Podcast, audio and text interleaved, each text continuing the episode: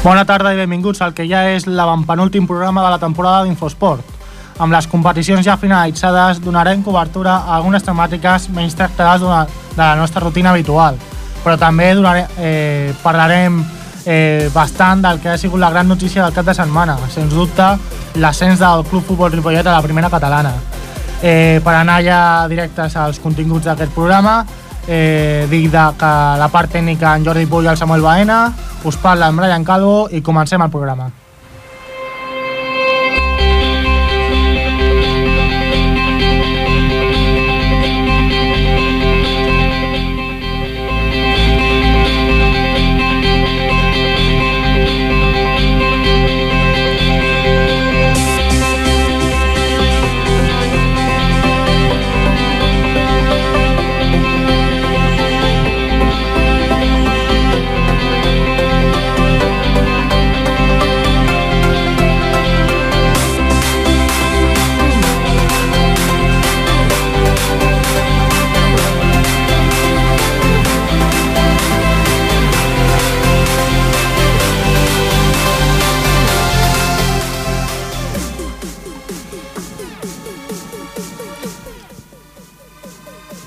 Doncs passem ja al que és el primer, la primera part del programa, la, una entrevista que tenim preparada a un dels responsables del PAME per, de, referent a la, a la festa de l'esport extraescolar que ha tingut lloc aquest cap de setmana, el dissabte.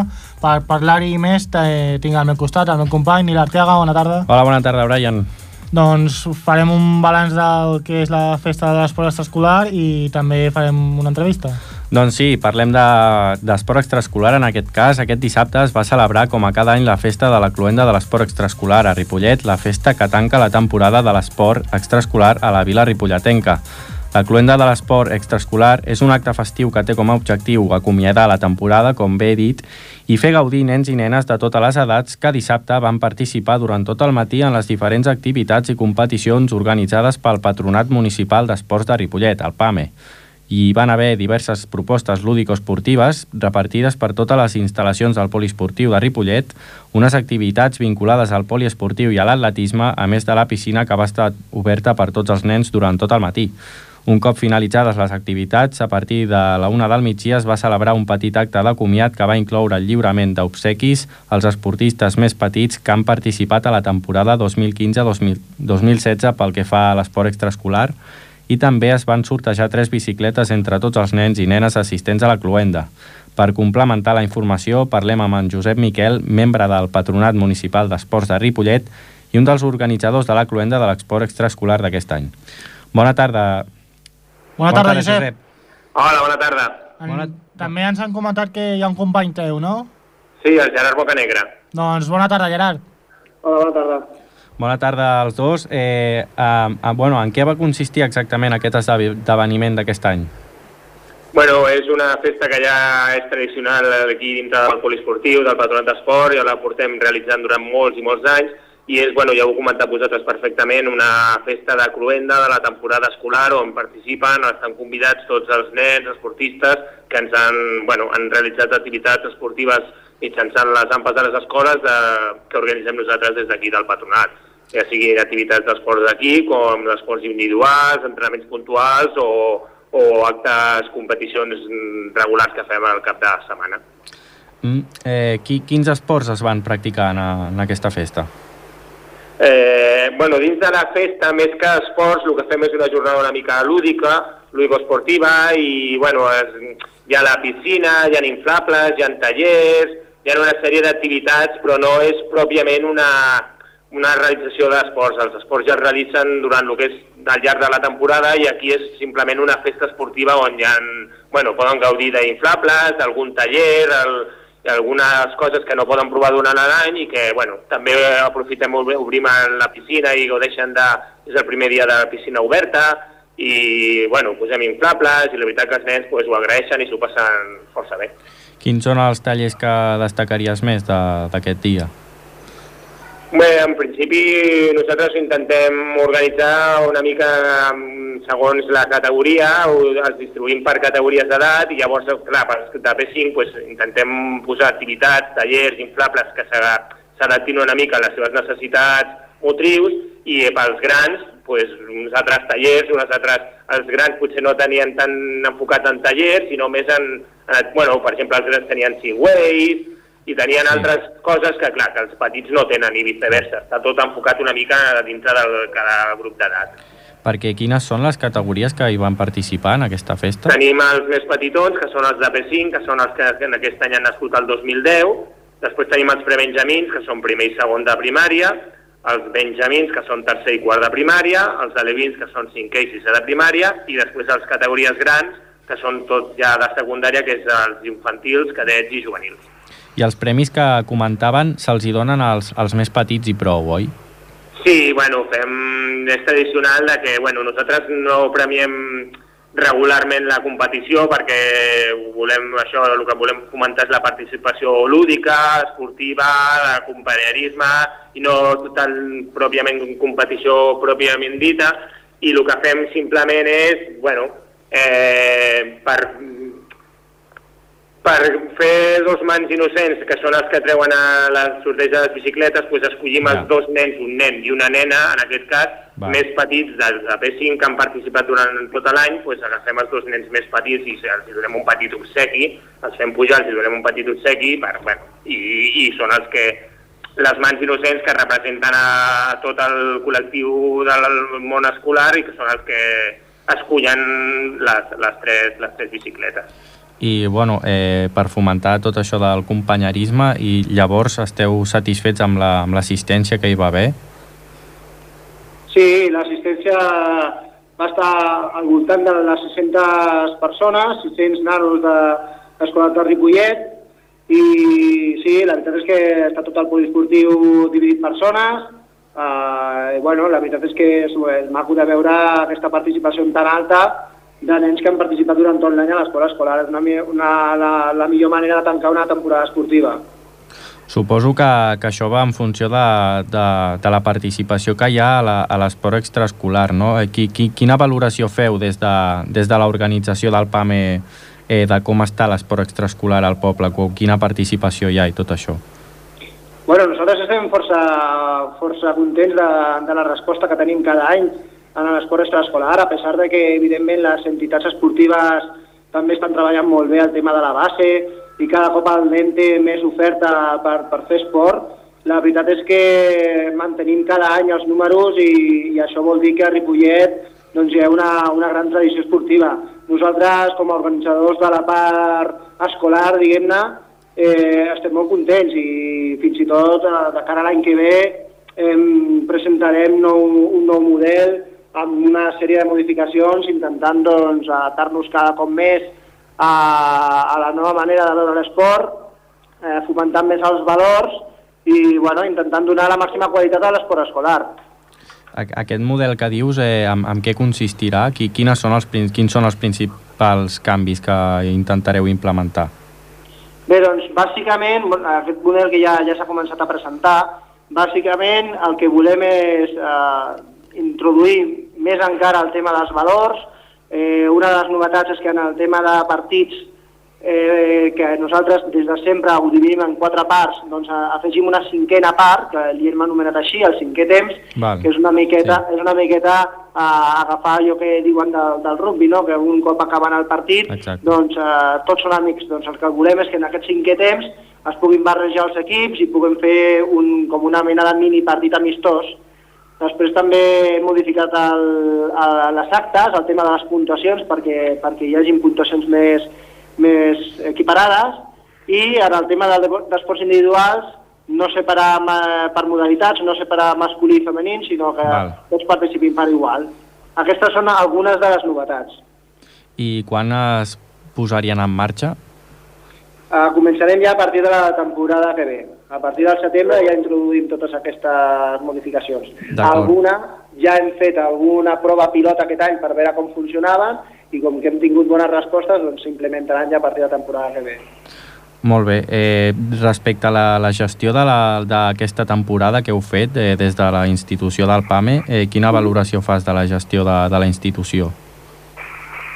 Bueno, jo crec que bueno, no sé, jo crec que molt bé, no sé, és que és el que, una miqueta el que t'hem explicat abans, no?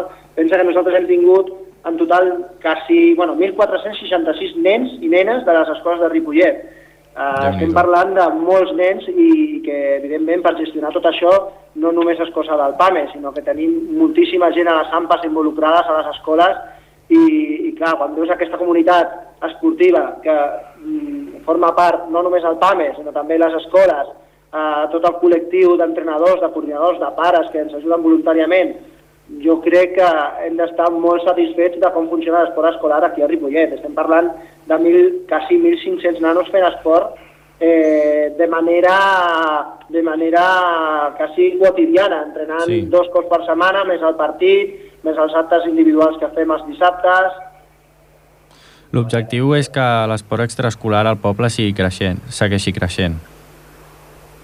L'objectiu bueno, evidentment és que vagi creixent, però sobretot que, el que nosaltres el que busquem és que aquest esport sigui el més educatiu possible. Per tant, no busquem tant la part quantitativa, sinó la part qualitativa. Sabem també que, com he dit abans, els nens cada cop tenen més oferta esportiva i hi ha nens que tenim a l'esport escolar i nens que prefereixen anar a les diferents entitats a, fer, a practicar el seu esport Va. que els, els agrada. Sí. Però bueno, intentem més que fixar-nos en la quantitat, en la qualitat, però sí que és veritat, tampoc ens hem d'enganyar que quan tu veus uns números eh, que estem parlant de 1.500 nanos, home, doncs també és mostra de que, de que s'està fent, com a mínim, el treball s'està fent bé. De fet, aquests canvis que, que estem introduint i que l'any que ve el nou model van enfocats potser també més encara més que a incrementar la participació, sinó això, a donar-li un valor a aquesta participació, a donar-li una qualitat, a mm, formar més els monitors, a, a, treballar els valors del companyerisme, del cooperativisme i no tant la participació pura i dura de competició, que també la valorem i també la, està intrínsecament en l'esport i també l'hem de seguir treballant, naturalment, perquè també entenem que, que una competició sana és necessària i també els nanos ho han de fer, però que també li estem donant uns valors a l'esport amb l'esport escolar. Sens dubte, unes qüestions molt importants que comentes.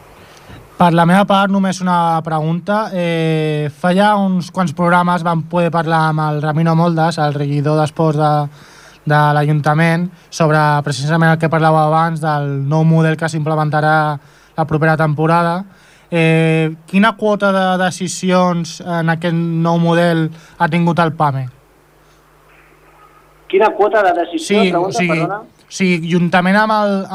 M'imagino que juntament amb l'Ajuntament eh, heu, sigut, eh, heu planificat aquest nou model. Sí. Doncs, bueno, de fet, quina de capacitat fet, ha tingut el PAME?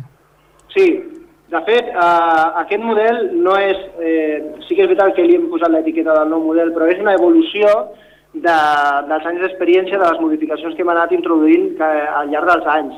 Eh, a l'esport escolar, per exemple, hem comentat abans molt ràpidament que els partits es divideixen en quatre parts, cosa que això no passa en un partit de futbol, per exemple. Nosaltres hem introduït una sèrie de canvis sempre adaptant aquestes normatives per intentar fomentar eh, la participació per la pura participació i no la competició, el fair play.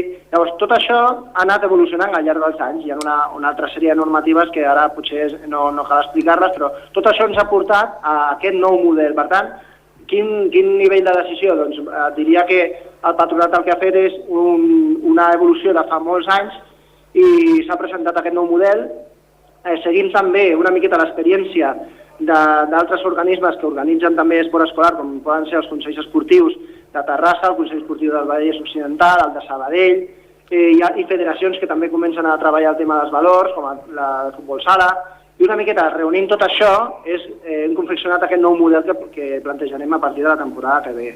Llavors, la, la quota de decisió doncs, és, és bàsicament nostra, del Patronat d'Esports, però ja et dic, basada no en un any, sinó en tota la trajectòria que portem en l'esport extraescolar. Vale, eh, moltes gràcies eh, als dos, Josep Miquel i Gerard Bocanegra. Gràcies per atendre'ns als micròfons d'Infosport i us desitgem molta sort per la temporada que ve en la gestió del PAME. Moltes gràcies, gràcies. a tots dos. Gràcies a vosaltres per trucar-nos i per difondre l'esport escolar. A vosaltres. A vosaltres, Fins gràcies. una altra. Fins una altra. Gràcies. Passem al que ha estat, com deia la presentació del programa, la, la gran notícia del cap de setmana en quant a l'esport a Ripollet, l'ascens a la primera catalana del Club Futbol Ripollet per parlar-nos del partit de tornada davant el Palafolls i tot el que ha suposat aquest partit. Tenim el Marc Mata, el nostre company, endavant. El Club Futbol Ripollet ja és a primera catalana i recupera així la categoria perduda la temporada 2012-2013 quan va descendir com a quer. Bona tarda.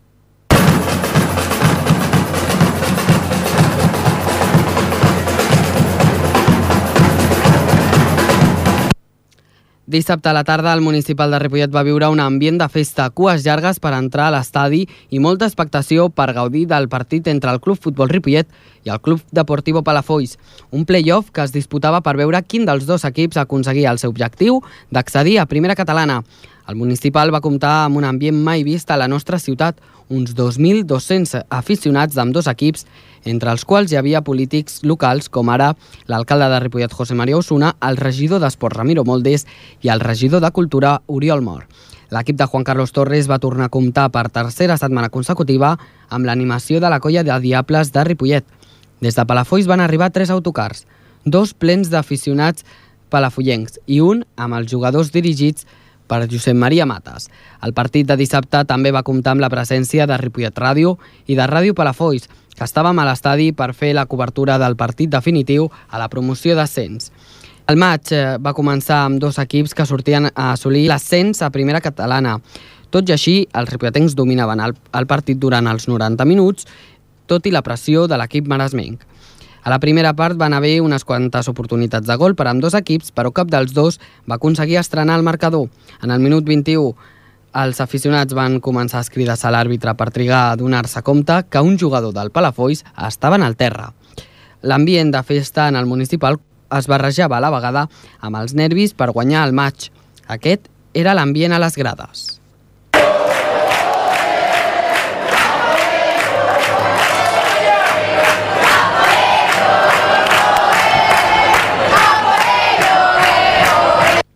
En el minut 31 del maig, els de Juan Carlos Torres van tornar a tenir una molt bona oportunitat de gol amb un xut del Xema, però la bona sortida d'Orioles, el porter visitant, li va impedir al jugador ripolletenc estrenar el marcador. Dos minuts després, el porter ripolletenc, Sergio Cano, va rebre un cop dels visitants que li va fer estar una estona a terra i que va provocar preocupació a les grades. En el minut 36, David Mancheño del Palafolls va xutar massa alt davant un Ripollet que apretava però no trobava el gol. Dos minuts després eh, va arribar la primera targeta groga pels maresmencs, una falta a favor del Ripollet. I un minut abans del final del primer temps, el Franco, d'un cop de cap, va marcar el primer gol, un gol que va ser anul·lat pel Linier, que va apuntar fora de joc i que va generar moltes protestes de l'afició ripolletenca. Al primer temps va acabar amb el marcador igualat a 0.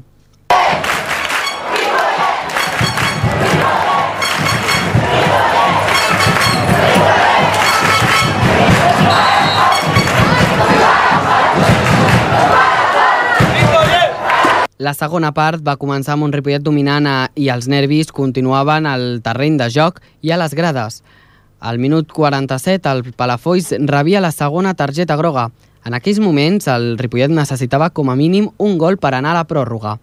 En el minut 50 va haver un espectacular xut llunyà de Toni Serrano i 4 minuts després va arribar el primer gol del Ripollet. Així es vivia la celebració del gol a les grades.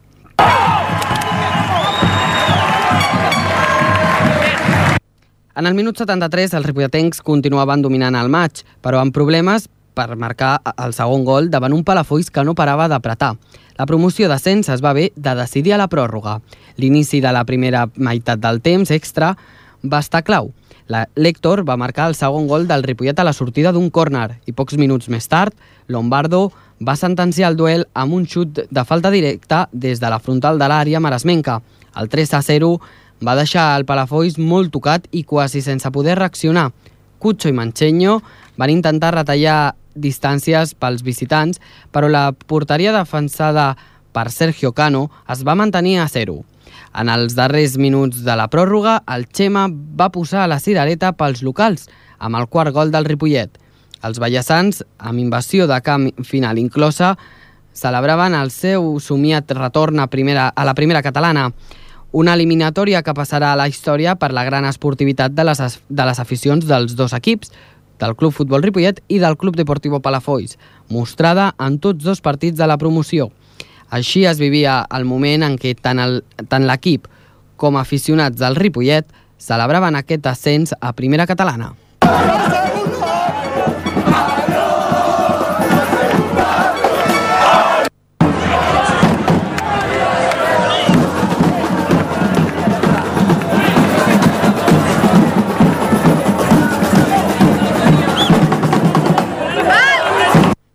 Després de la celebració al municipal, jugadors i aficionats es van desplaçar fins a la font del carrer Magallanes. Allà continuava la celebració.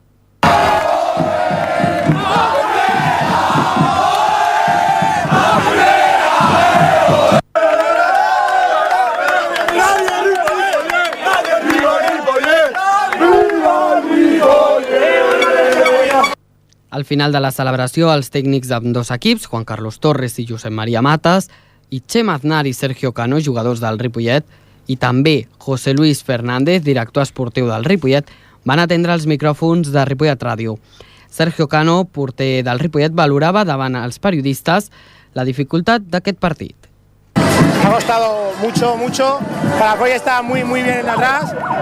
Sabía lo que tenían que hacer en todo momento, pero bueno, ha habido la suerte de llegar una vez, enchufarla, darnos a nosotros tranquilidad y luego ya enganchar la prórroga con más, con más ganas. Juan Carlos Torres, entrenador del Ripollet, explicava el desgast físic que ha tingut l'equip Clar, tu pensa que, suposo que ells per la Foix també, estem a unes setmanes que no pot ficar càrrega al grup perquè ja porten molta càrrega per l'any, l'únic que estàs mantenint una mica a nivell, a nivell eh, força explosiva i que quan passen els minuts amb el desgast físic, al final comencen a pujar-se els bessons, pujar, pujar-se tot i es fa molt llarg, els partits es fa molt llarg i si el marcador tens a favor, doncs encara aguantes, però com el marcador te vagi en contra, al final es produeixen forats i passa el que ha passat, que crec que no, no és per 4-0, però crec que i també felicitava el Palafolls pel seu bon joc. I, i animar a tota la gent de Palafolls perquè és un poble petit i és molt difícil d'aconseguir, però jo crec que amb feina cada vegada costa més pujar de categoria perquè hi ha més nivell i és més difícil, però animeu-los perquè jo crec que jo, jo, jo, jo m'he sentit orgullós dels meus i, i, de,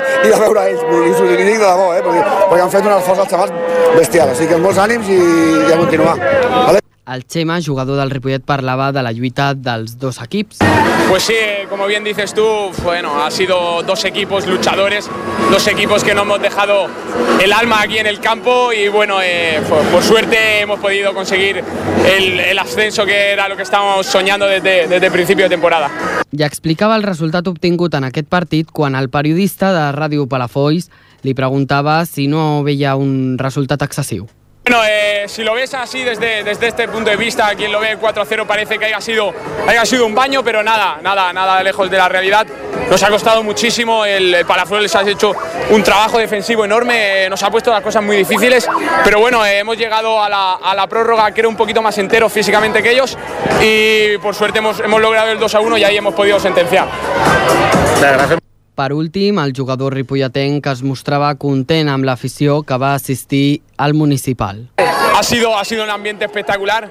Eh, hablando con la familia me ha dicho que tenían cola al entrar, que, que eso es imaginable aquí en, en, segunda catalana, pero el público ha respondido, sabíamos que iba a responder esta gente y gracias a ellos eh, el plus de la prórroga nos, nos lo han dado y, y hemos podido conseguirlo. L'entrenador del Palafolls també feia valoració del partit. Sí, ara els deia als jugadors que, evidentment, gent bramant, era trist, el vestuari els deia, i ara estem tristos. Per què? Perquè nosaltres juguem a futbol, ens agrada competir, aquests quatre anys, si algú ens ha donat és que competim, i clar, quan tu jugues una promoció, una, una eliminatòria d'anar i tornada i perds, pues, evidentment, estàs trist. És el treball de tot un any des de l'agost, i era un premi, evidentment, cada segons, però quan jugues a promoció la vols guanyar. Una vegada dit això, vull dir que, clar, estem tristos, estem molt tristos, vull dir, això ens donem compte del que hem fet demà, vull dir, primer felicitar el Ripollet perquè s'ha de reconèixer que han set superiors a nosaltres, eh, vull dir, ja han set superiors a nosaltres, nosaltres vam dir que faríem una cosa, que competiríem, i ho hem fet, hem competit. No vam tenir sort amb el sorteig, el Ripollet és molt bon equip, no vam tenir sort en, tornar, en jugar la tornada a Ripollet, i hem portat el partit de la pròrroga, o sigui, hem portat el Ripollet al límit, que és el que nosaltres havíem de fer. Llavors, quan tu competeixes, jo sempre ho dic, pots guanyar o pots perdre. Llavors, avui ens ha tocat perdre, vull dir, ja dic, i a veure, res a dir de, de la derrota perquè el Ripollet ha plantejat molt bé, aquí molt ben treballat, un gran equip i que ens ha superat, i vull dir, felicitar-los i ja està. I ara sentir-me orgullós del que ha competit el meu equip, perquè realment em sento orgullosos. Encara que ara estem tristos, em sento orgullós d'aquests nanos. L'últim membre en atendre els micròfons d'Infosport va ser José Luis Fernández, director esportiu del Ripollet, que mostrava la seva il·lusió per la victòria, per l'equip i per l'afició. Espectacular, bueno, te da, te da una idea del, del, del nivel de, de, de, seguimiento del fútbol que hay en este, en este pueblo, ¿no? Y cuando realmente el, el equipo eh, acompaña con resultados, la afición está a la altura. Una victòria que, que no solo querían el director esportiu també parlava de la dificultat de joc que té disputar una promoció d'ascens. Sí, bueno, es que la, jugar una promoción es muy complicado y a veces la tensión de, de, de la eliminatoria te hace bueno, cometer errores que durante la competición normal no, no cometes. ¿no? Entonces, cuando el equipo ya ha roto un poco el, ese, ese nerviosismo, empieza a jugar un poquito más la pelota y hemos demostrado que somos, somos superiores. Futbolísticamente somos superiores. I per últim, Fernández va voler agrair la bona feina que ha realitzat aquesta casa, Ripollet Ràdio, fent cobertura de l'equip tota la temporada. Muy bien, desde aquí quisiera agradecer a Radio Ripollet todo el seguimiento que nos has hecho durante la temporada, sobre todo a ti, que te hemos visto cada semana aquí. Para nosotros es súper importante que, bueno, que los medios de comunicación de Ripollet nos den esa cobertura que a veces eh, circunstancias no, no se tienen. Entonces, desde aquí agradecer a Radio Ripollet y a ti personalmente. Muchas gracias. Des d'Infosport volem felicitar el Club Futbol Ripollet per aquest ascens a primera catalana i anunciem que demà dimarts, a l'últim programa de la tribu de futbol, del futbol d'aquesta casa, de Ripollet Ràdio, hi haurà l'entrenador del Ripollet, Juan Carlos Torres, i el seleccionador guipuscoà de futbol, Miquel Etxarri. Doncs tornem a felicitar el Club Futbol Ripollet per aquest ascens a primera catalana i ja continuem, continuem amb el programa, passem al tenis taula que, que aquesta setmana ja s'ha disputat un altre campionat de Catalunya que, bueno, per dir quatre dades a, a categoria infantil en els dobles femenins Lídia Rico i Mireia Parató han sigut campiones. En segona posició també el, el, el tenis taula Ripollet eh, va, va protagonitzar a aquestes posicions amb l'Aina Mogas i l'Helena Parente i en individuals la Mireia Paretó va ser campiona de Catalunya per parlar-hi més d'aquest torneig eh, tenim per via telefònica en Ramon Argenter Ramon, bona tarda Bona tarda eh, grans, grans conquestes, no? Home, anar a un campionat de Catalunya de la categoria infantil i sub-21 i portar tres medalles d'or, dues, de, dues de plata i quatre de bronze, doncs és un bon balanç, no?, per despedir la temporada.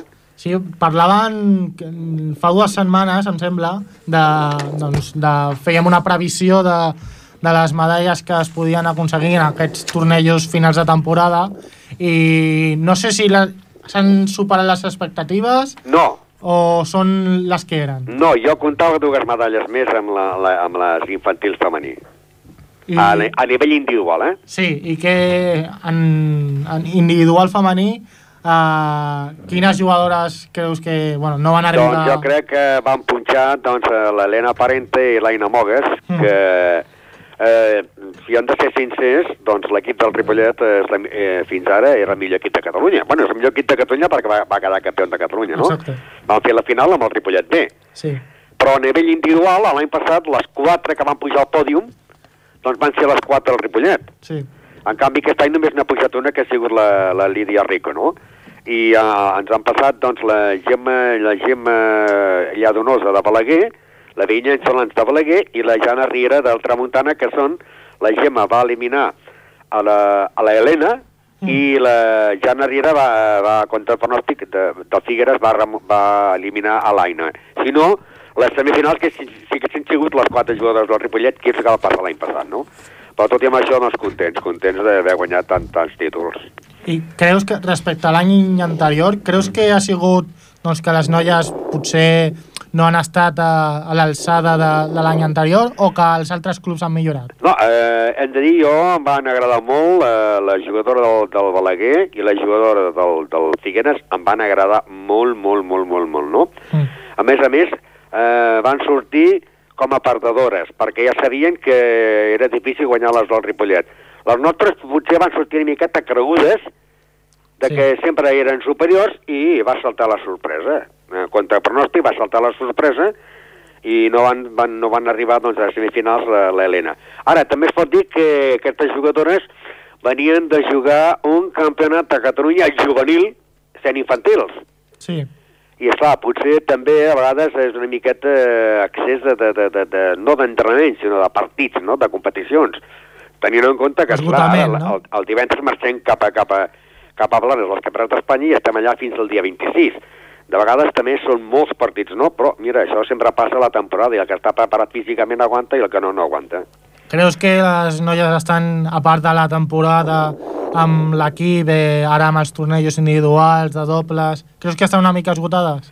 Sí, a més a més, és, a, a més a més, clar, són joves, estan en èpoques d'exàmens. De, de. Ah, clar, també. Exàmens i colònies, m'entens què vull dir? Mm. I avui no vinc perquè estic una setmana de colònies, i avui no entreno, no puc entrenar perquè tinc els exàmens, no? I, i esclar, eh, i pensa que aquestes noies no guanyen ni cinc en el tenis taula, no?, de moment. Mm. I per tant, esclar, l'important són els estudis. Clar, i que vulguis o no es nota, que no de- d'entrenar gairebé cada dia, que hi hagi alguns dies que no puguin entrenar. Avui mateix, doncs, les jugadores estan entrenant, les que van jugar ahir, a- vam arribar ahir a les 11 de la nit de Valls, Mm. estan entrenant, i en canvi la Lídia, per motius d'exàmens, no ha pogut venir a entreno. Entens que vull dir? Clar, i vull, clar, igual, tampoc els hi pots exigir, no? Eh, són primer els estudis. Clar, és que dels són- estudis potser no poden viure com a jugadors i han de viure dels, dels estudis, no?, de l'ofici Mm. que treguin. Clar, és que eres, són molt joves i el, la gestió del club també ha de comptar amb això, no? Sí. Aquest any elles són, era l'últim any d'infantils, l'any que ve ja passen totes a juvenils.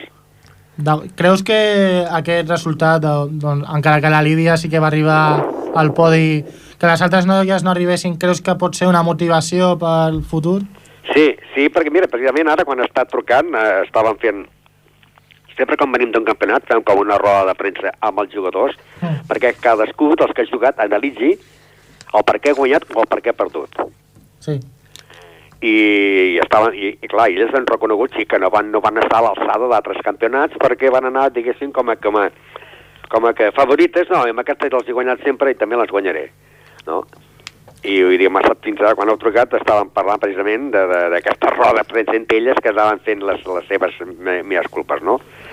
Bueno. I el, que passa, clar, les hem animat perquè, esclar, eh, bueno, tu t'imagina't, sí, sí, no han quedat contents i han guanyat nou medalles, imagina't si no en haguessin guanyat cap, no? Clar, altres, altres clubs ho tenen molt pitjor. Clar, però vull dir, però esclar, eh, jo estava segur que faríem a, a, a, a, a, a, la, els quatre pòdiums de, dels individuals que hagués pogut ser, hagués pogut ser. Eh? Perquè llavors haguessin trobat en les finals les quatre al Ripollet, no? I l'any passat van ser les quatre. Han caigut abans i, per tant, doncs, felicitats al Balaguer i al, a l'equip del Figueres. Bueno, de totes maneres, en, en individual sí que podem destacar la victòria de la Mireia Victòria de, de, Lídia, de la Mireia Peretó, eh, en qual la Mireia Peretó, amb la que va jugar, que és la Vinyet Solans del Balaguer, és una jugadora que també l'havia guanyat amb molta facilitat, i en canvi ahir li va costar molt guanyar-la. Mm. Això vol dir que els altres clubs també apreten, eh? Clar, és, O ella se n'ha dormit i els altres s'apreten. clar, és el que et de- deia abans, que mm, encara que potser vagi una mica confiades, els altres clubs també milloren. Sí, sí, no, no, està millorant. I ara la diferència es veurà. Ara precisament estàvem dient això. Penseu que eh, aquella gent ha millorat. I ara ens trobarem a gent en el Campionat d'Espanya que havíeu guanyat que potser aquest any perdeu. Per què? Perquè potser hem millorat més que vosaltres, clar, no les veiem. Passem precisament en, en aquest campionat d'Espanya.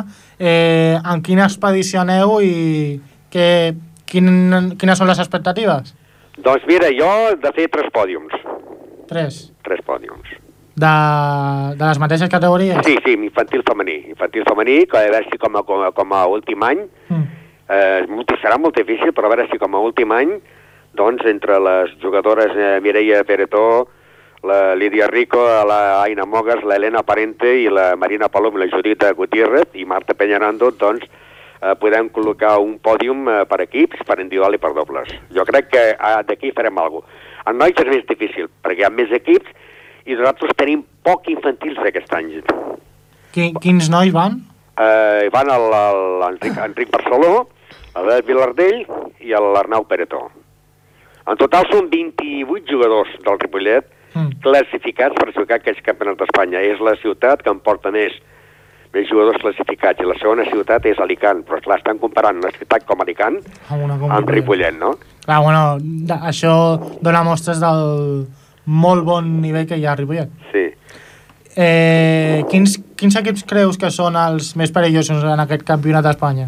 Home, eh, l'equip, en categoria infantil, l'equip d'Alicant eh, és un bon equip, eh? I llavors hi ha sorpreses. Hi ha sorpreses amb equips andalusos, equips de Burgos, l'equip de Burgos també amb la categoria Levin té un bon equip a Levin, i llavors hi ha sorpreses, no? Aquell equip que anava tapat, resulta que ha fet una gran temporada o que ha fet un grans entrenaments i han pujat tres jugadors infantils que, que eren desconeguts i que, que poden ser els campions d'Espanya. Bueno, i, però, bueno, són, no són imbatuts, no, no són impossibles de guanyar. No, no, no, no, no, no, no són, jo sempre els dic que amb un jugador que es sap quan es perd, quan, quan dones la mà al jugador. Que el felicites perquè per jugar, perquè aquí un àrbit dona l'ordre de començar, però l'àrbit no pita al final, al, al final el pita el jugador. Clar. Si vols anar ràpid i arribes a 11 de seguida, te'n vas al carrer de seguida, no? I, i això és el que, que passa en, en tots els campionats, no? No hi ha cap equip que, que ens faci por. Mm, tenint en compte el que ens comentaves abans de que algunes jugadores no poden fer tots els entrenaments, que algunes ja estan una mica esgotades, quina preparació feu per aquest campionat d'Espanya? Uh, la, pràcticament la fem igual que els altres, eh? exercicis de físic al començament dels entrenaments, entrenaments, eh, jugades tàctiques, eh, per exemple, llavors eh, rebre sacs, perquè el sac és molt important, perquè hi ha jugadors que del sac és el punt directe, i si no et prepares per fer una entrada i fer el punt, eh, rebre sacs, i fer molts partits amb, amb empat a nou. Empat a nou i vinga, va, a veure qui guanya A jugar-se-la, no? per jugar-se, perquè hi ha partits que trobes que arribes a, a, a 9-9 eh? i a vegades no saps acabar aquest partit. Doncs fer coses, de, eh, fer eh, exercicis d'aquest, vinga, va, amb 9-9, o bé, donar 5 punts d'avantatge a un altre i recuperar aquests 5 punts. O sigui, prepareu una mica totes les possibles situacions que Aquí es donin està. en un partit. Sí, sí, sí, sí, el que es dona en un partit. No, vinga, va, que hi ha partits que millor estàs guanyant a 7 a 2 i tot plegat se t'empaten empaten a 7. Clar. Sort que ara es pot demanar un, un temps per, ca, per, per un partit. Pa, i, a... Però, no, per- però no per cada set, eh? Pel partit. Si és el Sí, primer sí. que arriba a 3, en 3-0 ja has guanyat el, el partit, no? Mm. Però pots arribar a guanyar o perdre 3 a 2. Però d'aquests 5 sets pots demanar un temps només per equip. I en aquest, en aquest campionat de- d'Espanya, eh, bueno, imagino que tu segur que vas, Sí, sí, sí. i algun entrenador més? Eh, aquest campionat d'Espanya esperem doncs, tots els 10, els 10 dies el Miquel Arnau i jo. D'acord. Sí. Doncs ja per, per acabar l'última pregunta, eh, per recordar-nos una mica el que serà els horaris i el calendari del cap- d'aquest campionat d'Espanya. Eh, començarà el divendres al matí, el Miquel, el Miquel i jo anirem cap a, cap a Blanes ja, perquè hem d'anar al pavelló, som els únics que marxem a la primera hora, perquè hem d'anar al pavelló a recollir tots els dorsals, tota la reglamentació, les acreditacions i, el, i, i els dorsals que porten cada jugador, no? I llavors l'expedició arriba a la tarda perquè a la tarda es comença el campionat a, a partir de dos quarts de quatre de la tarda. D'acord. Ah, llavors, el dia 21, el dia 21 s'acaben unes categories, eh, aquests se'n van ja cap a casa, no el Ripollet, sinó tots els equips d'Espanya, i llavors venen els altres equips, perquè clar, es fan en totes les categories, des de benjamins a categoria absoluta. I aquest any portem un equip d'Espassurt, També. també. D'acord, doncs ho, des d'aquí, des del programa Infosport, com sempre, us donem la, us transmetem la, la millor de les sorts possibles per a aquest nou campionat de- d'Espanya a totes les categories i això, molta sort al club i que porteu les quants més medalles millor. I gràcies a Ripollet Ràdio, a Ràdio Ripollet, eh? A vosaltres. Fins, Gràcies. fins una altra, Ramon. Fins una altra. Adéu, adéu.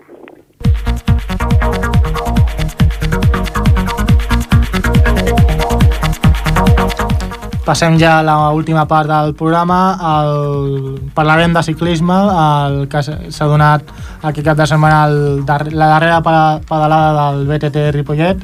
Per parlar més sobre aquest tema Uh, Nil Arteaga, com, com s'ha disputat? Doncs sí, bona tarda, Brian. Eh, parlem de ciclisme i en concret de BTT. Aquest diumenge va tenir lloc la darrera pedalada femenina BTT de la temporada, una pedalada amb bicicletes tot terreny per a noies majors de 18 anys. L'esdeveniment, organitzat pel Club Ciclista Ripollet per tercer any consecutiu, va comptar més de la cursa d'aquest cap de setmana amb dues pedalades més, una que es va celebrar el 10 d'abril i l'altra el 8 de maig, totes tres amb sortida des del pavelló municipal i amb un recorregut d'entre 20 i 30 quilòmetres per les lleres del riu Ripoll i el riu Besòs. Per parlar més sobre aquestes proves BTT parlem amb Salvador Gorina, secretari del Club Ciclista Ripollet. Bona tarda, Salvador. Bona tarda. Bona tarda. Eh, com va anar aquesta prova de BTT? Bueno, va anar molt bé perquè ha estat la que ha tingut més participació de les que hem organitzat en guany i estem, doncs, contents. Contents van ser set noies les que van venir i un noi també, i un noi, perquè malgrat estar destinades a noies, també admetem nois i els familiars que puguin aportar aquestes noies. L'objectiu principal d'aquestes proves és la promoció del, del ciclisme al poble, no? Eh, ha dut bons resultats en aquest sentit, aquesta prova BTT? Bueno, estem esperançats. O sigui, l'objectiu és aflorar l'afició femenina de BTT que hi ha a Ripollet, fer-la sortir de casa seva, aglutinar-la i, eh, si podem, doncs, que participin ja del ciclisme arreglat a través del Club Ciclista Ripollet. I hem de començar amb proves de caràcter lúdic perquè aquelles noies que se'ls noti que tenen més afició, que repeteixen més la pedalada, doncs ja se'ls vegi un camí més endegat cap al ciclisme, no? I aquesta és la finalitat. Aglutinar, primer, aglutinar el ciclisme femení o l'afició femenina que hi ha a Ripollet, eh, i després endegar-la cap al ciclisme arreglat a través del Club Ciclista Ripollet, és a dir, reglat federat. Perquè quina és la, és la situació del, del ciclisme federat actualment a la vila ripolletenca? Bueno, la situació del ciclisme federat al Club Ciclista Ripollet eh, té llicències de cicloturistes, que és la llicència més comuna de tot l'estat espanyol, per dir alguna cosa, sí. i català, no? És una llicència no competitiva, però que et permet participar a marxes cicloturistes, a pedalades populars, però sempre sota el paraigua de la Federació Catalana de Ciclisme, no? O sigui, són proves reglades, no competitives, però reglades. I aquest és el pas previ a saltar a la competició. O sigui, l'objectiu, no, com que no és competitiu, no, no, no, és, no és el fet de... de l'objectiu no és el fet que hi hagi un guanyador. No, no, no. No ah. hi ha cap guanyador aquí. Home, de vegades, de vegades nosaltres establim premis per la participació, eh, perquè han estat doncs, complidors del programa anual que tenim, però és de caràcter intern. Val. I, i la, bueno, el, pel que fa al ciclisme en general al poble, la participació que hi ha de, de la gent, eh, quina visió teniu des del Club Ciclista de Ripollet de com està la situació actualment? Bueno, la situació mm, federativament no és bona. És a dir, jo sempre he dit que avui a les cases hi ha més bicicletes que pilotes, sí. eh, però es practica la bicicleta d'una manera lúdica, no? Exacte. no reglada. I nosaltres, vull dir, tota aquesta afició que hi ha, que avui en dia pues, és immensa, a la bicicleta, no venen al Club Ciclista Ripollet ni a cap club, en aquest cas, que sapiguem nosaltres, federat, no? I yeah. el que desitgem és que canalitzar, canalitzar tota aquesta afició cap al ciclisme federat a través del Club Ciclista Ripollet, però hauria de ser, vull dir, molt, molt participatiu amb el club i no ho és. El BTT jo sempre he dit que, que és més aviat eh, d'amics que no pas de club, no? Ja. Així com la carretera, el ciclisme de carretera tradicional, pues, ja busques un club, un club per sortir pues, pues, pues, plegats no? i participar junts en les sortides, la BTT doncs, té una cosa que es fa més en qüestió d'amics, no? És per això que, vull dir, nosaltres sabem, per dir alguna cosa, doncs amb un carrer qualsevol de Ripollet et pots trobar un bloc de pisos i el bloc de pisos contigu doncs, que, que hi hagi també aficionats al BTT. Què passa? Homes, no vull dir homes, que s'ajunten i practiquen això. Les fèmines estan més disperses, o sigui, la, lo millor pues una és del barri del, del barri de Maragall, una altra és de, de, de Gassó Vargas i una altra és, jo que sé, de, de, de no sé, d'un altre barri de Ripollet, no? I per aglutinar-les hem tingut aquesta idea i confiem a través de les fèmines també entrar a les cases, principalment les fèmines, i després entrar a les cases per veure si eh, aconseguim que vinguin al club. Perquè el Ah. club es fa vell, es fa vell i hem de renovar, no? Hem de renovar. I suposo que tindreu pensat fer més proves BTT d'ara endavant.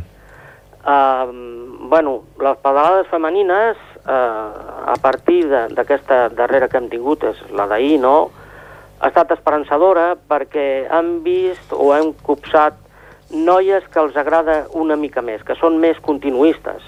Aquesta Val. és la impressió nostra, aquesta és la impressió nostra. A partir d'aquí segurament farem una reunió de junta i valorarem si en fem una passat, passat l'estiu.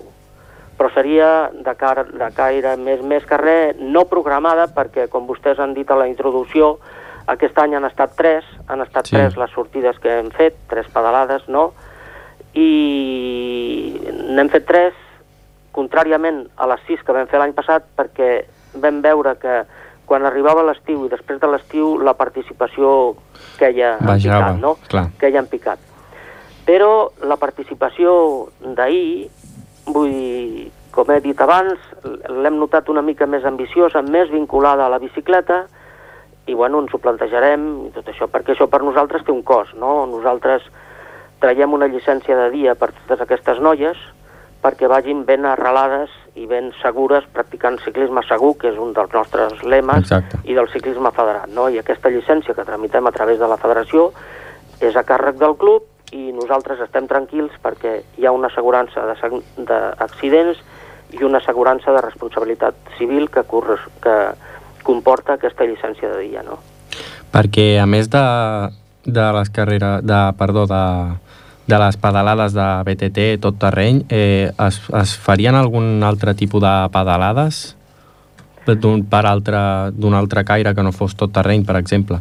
Bueno, el Club Ciclista Ripollet tradicionalment sempre té el seu programa de sortides setmanals Val. mm, per carretera. El que passa que a vegades tenen més afluència, menys afluència i per què no dir la veritat, de vegades doncs, no ha assistit ningú. El cicloturisme que he comentat abans s'ha diversificat molt darrerament, no? Eh, no sé, 15 anys enda- endarrere eren pràcticament només les pedalades, no, perdó, les pedalades, les sortides de caire social que, que es fan cada diumenge o promocionades pel Club Ciclista Ripollet, no per carretera, eh? estem parlant de ciclisme de carretera. Aquest ciclisme de carretera, darrerament, mm, el que no és competició, s'ha diversificat molt i ara doncs, una, estan de moda o es fan molt les marxes cicloturistes, que el Club Ciclista Ripollet doncs, ha participat durant molts anys a marxes vull dir, importants, no sé, perquè vosaltres eh, alguna que coneixereu, citaré la Quebrantahuesos. Sí. Doncs aquesta Quebrantahuesos, nosaltres tenim un soci que, bueno, aquest any em sembla només ha fallat la primera edició i aquest any ja no hi va perquè, bueno, considera que ja hi ha anat moltes, no? Però fins i tot el Patronat Municipal d'Esports el va condecorar un any a proposta del Grup Ciclista Ripollet per la seva participació i per la seva classificació que tenia la Quebrantahuesos dins la seva categoria, dins la seva categoria, no? I vull dir, i ara doncs ha sorgit una nova modalitat dins del cicloturisme que són les, les, les aquestes, com li diuen, les, les ciclomaratons. Sí, les ciclomaratons. La ciclomaratons, mira, dar darrerament, mm, bueno, darrerament no, aquí tenim dos especialistes del nostre club que són bastant assidus a aquestes eh, ciclomaratons. Diumenge passat, ah, no, l'últim diumenge de maig, sí, diu- diumenge passat seria, no? Diumenge Fa- passat, fa- exacte. Fa, sí, es va celebrar, no, fa dos diumenges, l'últim, el darrer diumenge de maig. L'altre, sí. Es va celebrar la Barcelona Perpinyà Barcelona, que celebra, se celebra cada dos anys. Doncs aquí aquest any hem tingut un representant, però eh, n'hi havia tres d'inscrits. Val. I per, una, Salva, I per una desgràcia familiar, per una desgràcia familiar d'un d'ells, Salvador, ten, perdona que et talli, però se'ns acaba el temps i hem d'acabar ja el programa. Val. Mol moltes gràcies per atendre'ns, eh? Vinga, bona tarda. Gràcies, Salvador. Gràcies a vosaltres, eh? Gràcies. Doncs amb l'entrevista a Salvador donem per finalitzat el programa d'avui. Com sempre us donem les gràcies per escoltar-nos una setmana més i us convoquem pels dos darrers programes de la temporada, els dies 20 i 27 de juny, a les 7 i 8 de la tarda, a la 91.3 de la FM. Fins aleshores, molt bona setmana.